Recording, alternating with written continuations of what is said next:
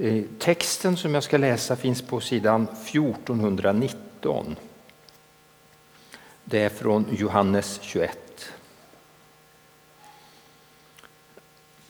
När Jesus och hans lärjungar hade ätit sa Jesus till Simon Petrus.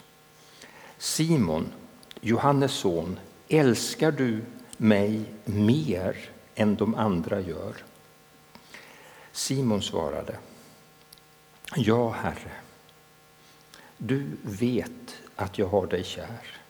Jesus sa, för mina lamm på bete.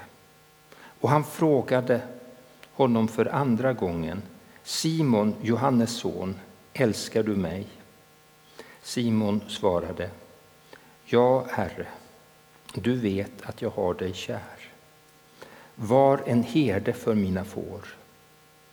Och han frågade honom för tredje gången. Simon, Johannes son, har du mig kär? Petrus blev bedrövad när Jesus för tredje gången frågade Har du mig kär? Och han svarade Herre, du vet allt. Du vet att jag har dig kär. Jesus sa För mina får på bete. Så lyder det heliga evangeliet. Lovad vare du, Kristus. Om ni hängde med riktigt noga i texten så märkte ni att jag inte läste allt. Utan jag ska koncentrera mig vid den här texten nu tre gånger och att tala om Petrus när en sjättedel av er konfirmander heter eh, Petra. Det kan ju vara lyckat och när 100 procent av er har varit i Peterskyrkan. Men det jag ska koncentrera mig på idag, det är inte hur det blev för Petrus i Rom. Det ska jag berätta om om 14 dagar. Och jag ser fram emot att alla som har köpt ett kors i Peterskyrkan kommer med då. Eh, och jag skulle liksom, nu vill jag koncentrera mig på de här orden som Jesus sa till Petrus. För mina lamm på bete, var en herde för mina får. För mina får på bete. Tre gånger upprepade Jesus för Petrus vad det var som var hans uppgift. Tidigare hade Jesus sagt till honom att det skulle bli så att han skulle förneka honom. Innan dess hade han sagt när du väl har omvänt dig så styrk dina bröder. Petrus hade ett mycket hetlevrat temperament. Eh, en brasiliansk biskop har gett oss beviset på att Jesus skrattade. Man kan inte låta bli att skratta om man är tillsammans med en sån som Petrus. Mm, Don Helder Kammara, om ni undrar vad han heter. Han hade köpt två svärd för att försvara fredsfursten dagen innan fredsfursten skulle ge sitt liv för hela mänskligheten. Fullständigt malplacerat. Hela hans tanke om det här med Jesu lidande var då eh, inte Jesus kommer vara centrum i mitt liv, utan Jesus, gör som jag säger. Du ska inte lida och dö.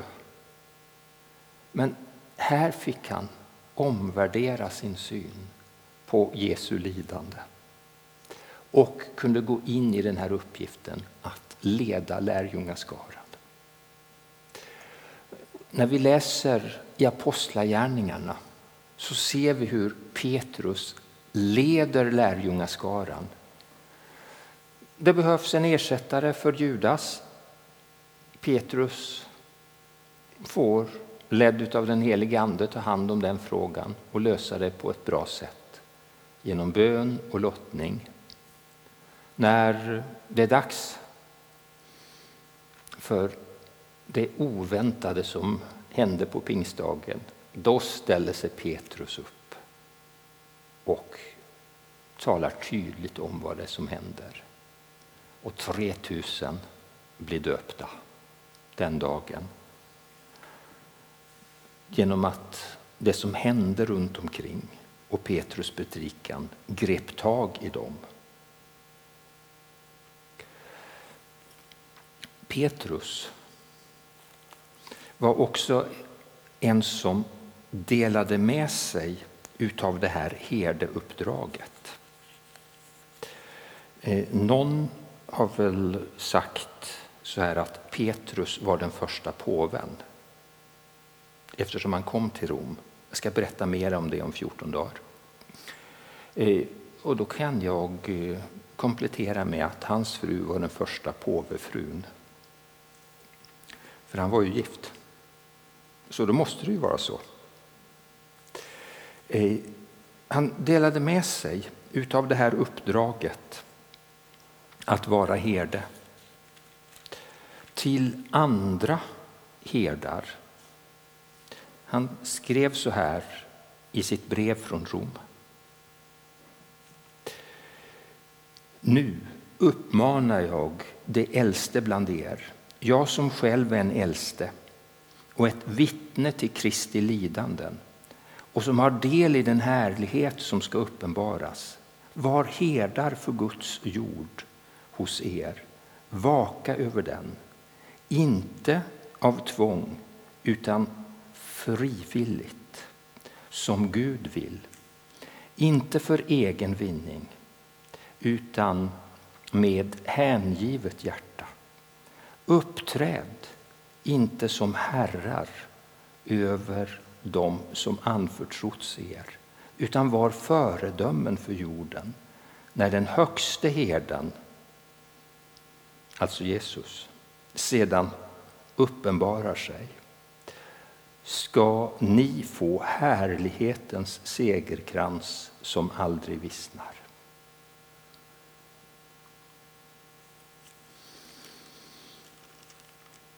Det här var något som han delade med sig utav. Han hade fått uppdrag från Jesus och så spred sig det här ledarskapet till andra som han betrodde med att vara ledare. Men han säger något mycket viktigt i sitt brev tidigare. Tjäna varandra var och en med den nådegåva han har fått som goda förvaltare av Guds mångfaldiga nåd. Om någon talar ska han tala i enlighet med Guds ord. Om någon tjänar ska han tjäna med den kraft som Gud ger så att Gud blir ärad genom Jesus Kristus. Hans är äran och makten i evigheters evighet. Här är vi olika. Här har vi olika gåvor. Eh, vem kan bäst tala om för de som går i samma skola som ni att det händer någonting med en om man är här i kyrkan. Ni eller jag. Jag tror ni konfirmander eh, som har nyss köpt ett kors. Ni är mycket bättre på att förklara varför ni bär ett kors än jag på varför jag bär ett kors. Gåvorna är olika. De flesta av er är bättre än jag på att sjunga tonsäkert. Jag bad om att få en bättre tonsäkerhet någon gång på 1970-talet. Bönesvaret kom på 1980-talet, men det kom bara när det var sång på andra språk eh, som jag inte visste vad jag sjöng. Då, med sång i anden, så blev det rent. Nådgåvorna är olika. Någon kan vara väldigt bra på det här eh, med att styra och leda, hålla ordning på papper.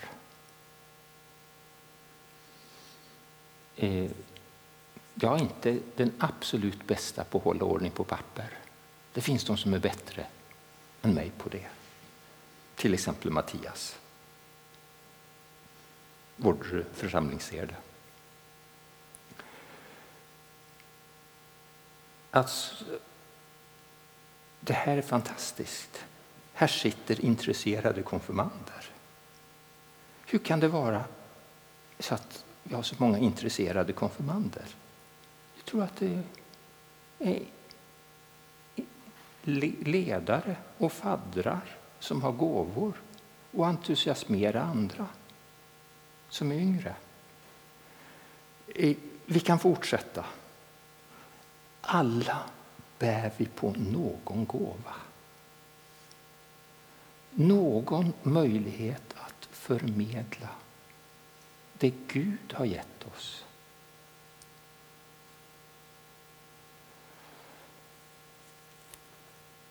Det viktiga är inte att just du ska få använda just din gåva för att glänsa.